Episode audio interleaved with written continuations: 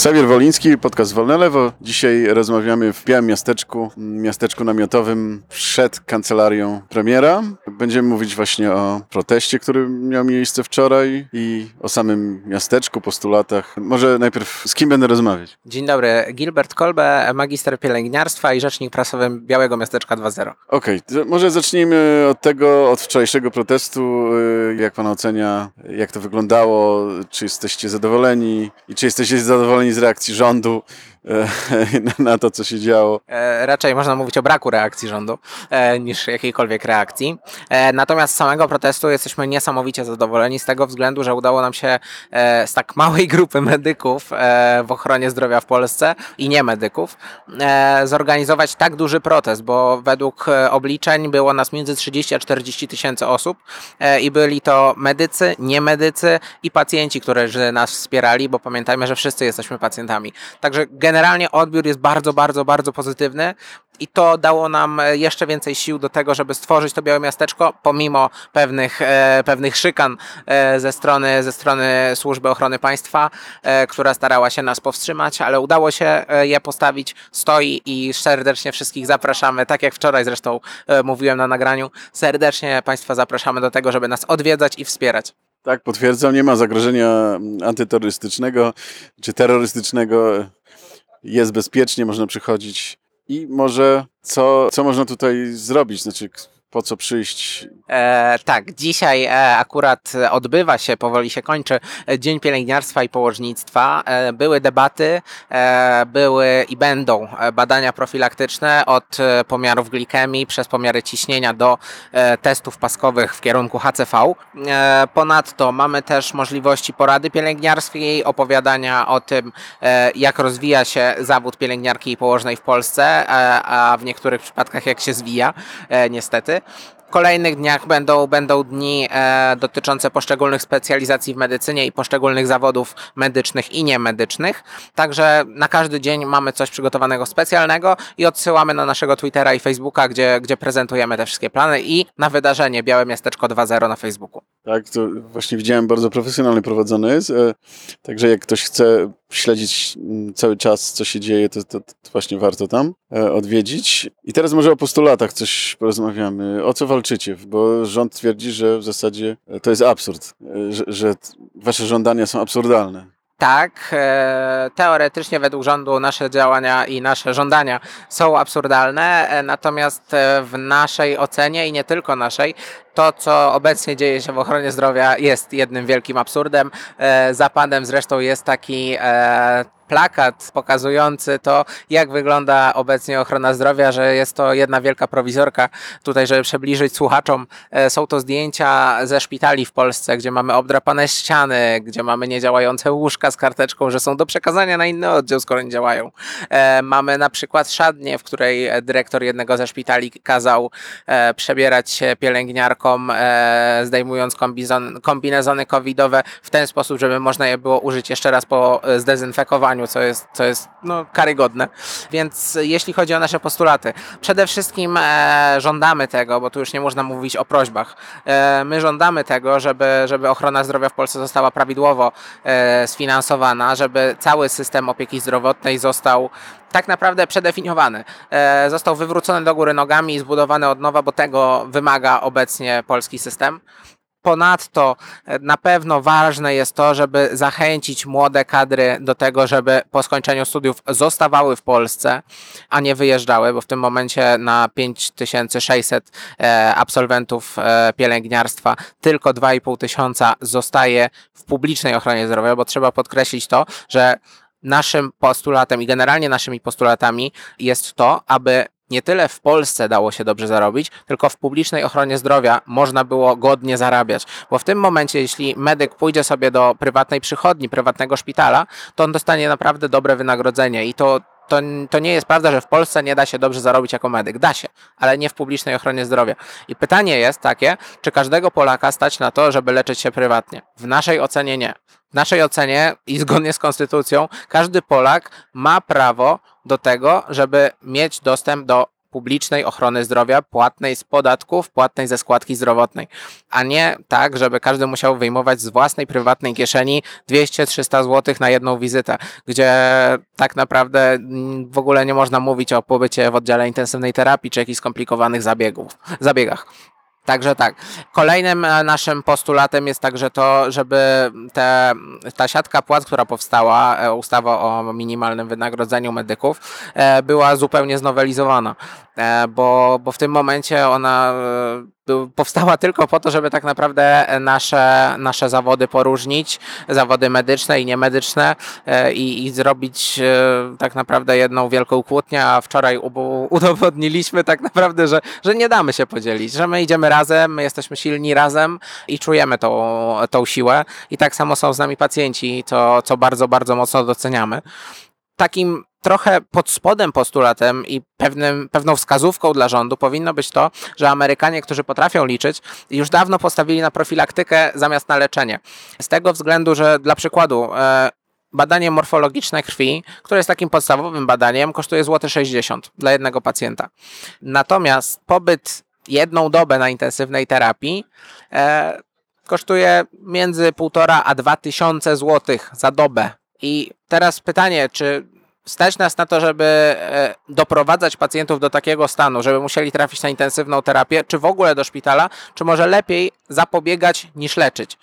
Moim zdaniem i według wszelkich dostępnych badań naukowych zdecydowanie lepiej jest zapobiegać i myślę, że też pacjentom na tym powinno zależeć, żeby jednak nie chorować, tylko ewentualnie wykrywać choroby wcześniej i skutecznie je leczyć. No właśnie, ale mm, rząd mówi, że chciał pod, podnieść składkę, ale, ale to zostało e, storpedowane, mm, no bo mówi, no skądś te pieniądze muszą, muszą się pojawić. No i, i jak na to odpowiadać?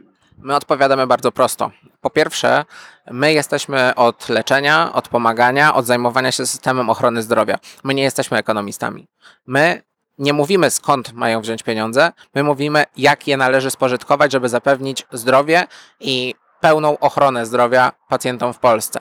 To jest po pierwsze. Po drugie, myślę, że każdy zdaje sobie sprawę i kto tylko obserwuje media, e, widzi, jak są wydatkowane czasami zupełnie bez sensu e, środki, które są potężnymi środkami, które są no, dla zwykłego Polaka, e, który według mediany zarabia gdzieś w okolicach 3000 zł, jeśli dobrze pamiętam, to, to obracanie milionami, miliardami złotych jest, jest w ogóle czymś, czymś abstrakcyjnym. Więc proszę mi wierzyć, że te pieniądze są, e, tylko powinny być po prostu odpowiednio wydatkowane. Natomiast tak jak wspominałem, my nie jesteśmy ekonomistami, my nie udajemy ekonomistów e, i nie chcemy nimi być. My się chcemy stąd zabrać jak najszybciej i wrócić do naszych pacjentów, którzy nas potrzebują. I ze względu na to, że rząd doprowadził do tego, że musimy tutaj być, my, nas nie ma w szpitalach, nas nie ma w przychodniach.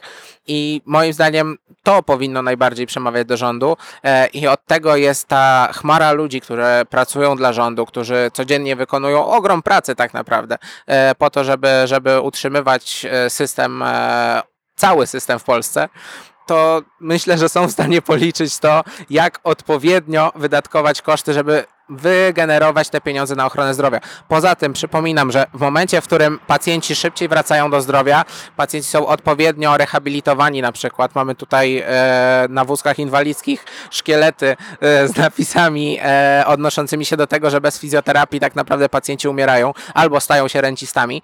E, wtedy ci pacjenci są także obciążeniem dla budżetu. W ogóle mówiąc wprost, najpierw ci pacjenci są, przeżywają swój osobisty koszmar, a w konsekwencji później są obciążeniem dla budżetu. Oni nie wracają na rynek pracy najczęściej i oni nie płacą później podatków, więc te pieniądze później nie wracają do, do rządu. Więc myślę, że w momencie, w którym pacjenci byliby odpowiednio leczeni, e, szybciej wracaliby do zdrowia, zdecydowanie szybciej zwróciłoby się to w podatkach. No tak, e, ale e, inni znowu mówią, że tu nie ma sensu dosypywać pieniędzy, bo to jest worek bez dna, trzeba coś tam pozmieniać e, w samym systemie, m, a pieniądze, no, tak jakie są, wystarczą. Też takie głosy się pojawiają. Tak, tylko jak już wspominałem, ochrona zdrowia e, w innych państwach jest organizowana na zasadzie to inwestycja, a nie to koszt. Bo tak jak już wspomniałem, pacjenci szybciej wracaliby do systemu. Płaciliby podatki i wydatkowali e, pieniądze w sklepach, czym dalej nakręcaliby podatki i podaż PKB, które by rosło, co jest dla wszystkich dobre. Trudno jest e, w tym momencie, patrząc na średnie europejskie procentu PKB na ochronę zdrowia, e, mówić o tym, że bez dosypania środków cokolwiek się zmieni. Natomiast też chcemy bardzo wyraźnie powiedzieć, że samo dosypanie pieniędzy e, do NFZ-u nic nie da, e, bo to będzie przepalane. E, to jest trochę, mogę to odnieść trochę do branży medialnej. Można wydać mnóstwo pieniędzy na pozycjonowanie strony, natomiast jeśli nie zostanie to odpowiednio spożytkowane, to te pieniądze po prostu pójdą w kosmos. I tak samo jest z ochroną zdrowia. Jeśli te pieniądze nie będą odpowiednio wydatkowane i jeśli poza tym, że dosypie się tych pieniędzy, nie pójdą solidne reformy, o których mówimy, które przygotowaliśmy, to tak naprawdę będą to pieniądze wydane w błoto. Natomiast chciałbym też podkreślić, że ochrona zdrowia to nie jest coś, co musi się zwrócić. Ochrona zdrowia jest elementem bezpieczeństwa kraju. Ochrona zdrowia nie ma się zwrócić. Ochrona zdrowia ma zapewnić bezpieczeństwo Polkom i Polakom. Czy w ogóle jakieś pojawiły się sygnały, że jakiekolwiek, y, bo wiem, że no, ostatnia rozmowa z ministrem to taka w ogóle nie była w zasadzie ro- rozmowy, czy, bo wam chodzi o rozmowy przede wszystkim z premierem, jak rozumiem. I, I czy w ogóle jakieś sygnały się pojawiają, że coś tu ich zaczynało prze, y, zmieniać ich zdanie? E, jeszcze, jeszcze w sobotę dowiedzieliśmy się, przed protestem, e, dowiedzieliśmy się o tym, że Ministerstwo Zdrowia zaprasza nas e, znowu we wtorek do Centrum Dialogu Społecznego e, na kolejne rozmowy. Natomiast nasze postulaty i nasze warunki się absolutnie nie zmieniły, czyli obowiązkiem jest to, że ma się pojawić pan premier Morawiecki, bo nasze doświadczenia pokazały nam, że nieobecność premiera Morawieckiego powoduje to, że nic się nie zmieni. E, To będą kolejne w ogóle bez, e, bezrzechowe rozmowy, w ogóle bezpodstawne, które nic nie wniosą. E, Z tego względu zdecydowanie chcemy, żeby pan, e, pan premier Morawiecki się pojawił i zagwarantował osobiście, że te postulaty, które my przynieśliśmy, zostaną zrealizowane. Tu nie ma miejsca już na kompromisy. Kompromisy były w trakcie na przykład protestu głodowego medyków, parę lat temu. E, i jak Państwo pamiętacie, było nam zagwarantowane, że 6,8% PKB zostanie szybko wprowadzone. E, Jesteśmy w, połowie, a tak naprawdę za połową 2021 roku. E, i nadal nie mamy tego 6,8% na zdrowie, więc myślę, że gdzieś tam wypaliliśmy się, jeśli chodzi o jakiekolwiek tutaj próby kompromisu. Naprawdę. E, więc myślę, że dla dobra pacjentów, dla dobra wszystkich Polaków, Polek, nas e, jako też pacjentów e, potencjalnych, bo każdy z nas choruje, nie zgodzimy się na kompromisy i, i po prostu będziemy tutaj, będziemy w białym miasteczku, dopóki te postulaty nie zostaną spełnione.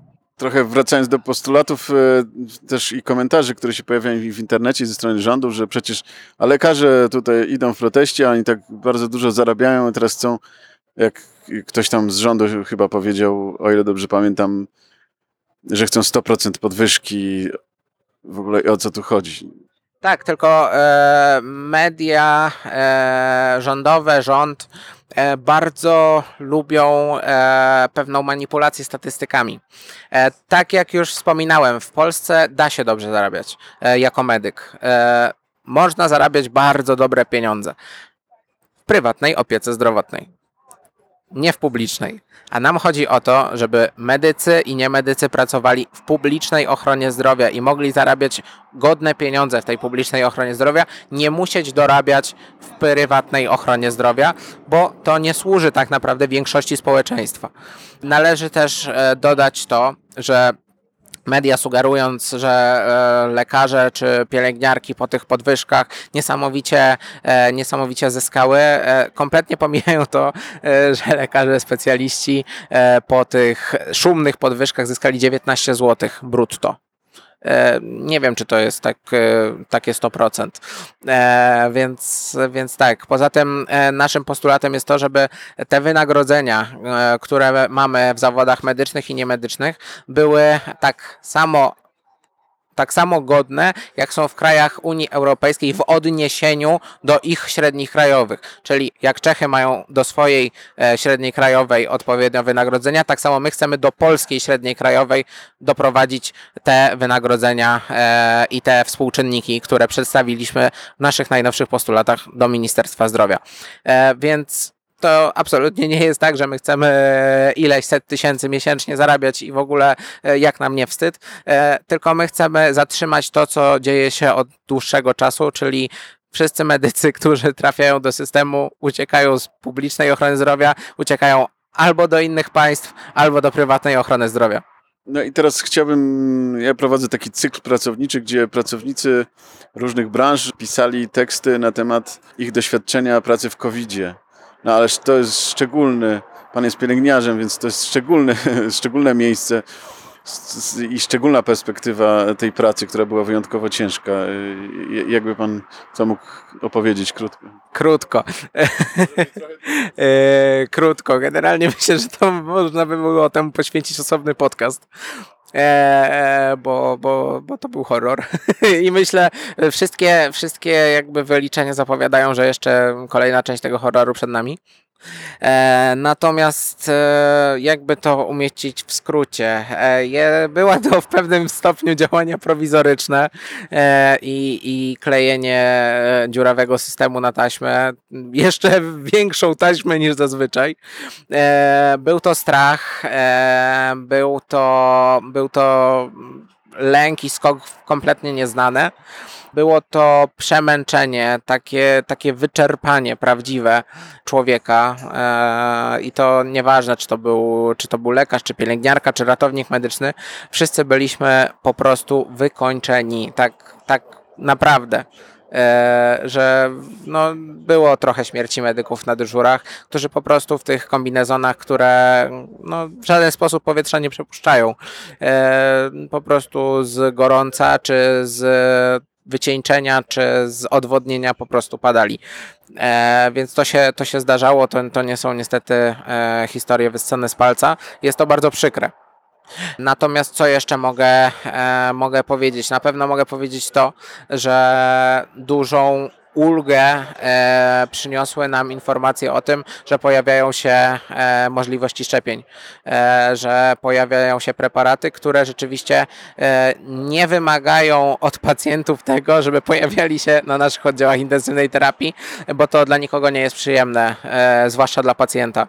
I dzięki temu jesteśmy w stanie w pewien sposób ochronić tą populację przed ciężkim, przed ciężkim zachorowaniem, bo e, choćby przykład Grecji, która, która jeszcze niedawno miała początek takiej czwartej fali, to oni podawali, że 99% osób na intensywnych terapiach to były e, osoby niezaszczepione. Także myślę, że e, perspektywa przyszłości jest całkiem optymistyczna, chociaż mimo wszystko całkiem dużo osób jest nadal niezaszczepionych. Także to jest też mój e, apel jako medyka. E, Chciałbym, żebyście jak najbardziej Państwo zaufali wiedzy medycznej i się szczepili. I to jest właśnie chyba ten moment, był, wydaje mi się, pandemia ujawniła chyba wszystkie niedociągnięcia w systemie, bo do tej pory wydaje mi się, z mojej subiektywnej perspektywy, że ten system już wisiał na włosku, a teraz to chyba to już nie wiem, czy ten włosek jeszcze jest. E, ochrona zdrowia ma to do siebie i mm, grupy zawodowe, medyczne i niemedyczne, ale pracujące w ochronie zdrowia mają to do siebie, że potrafią robić rzeczy niemożliwe.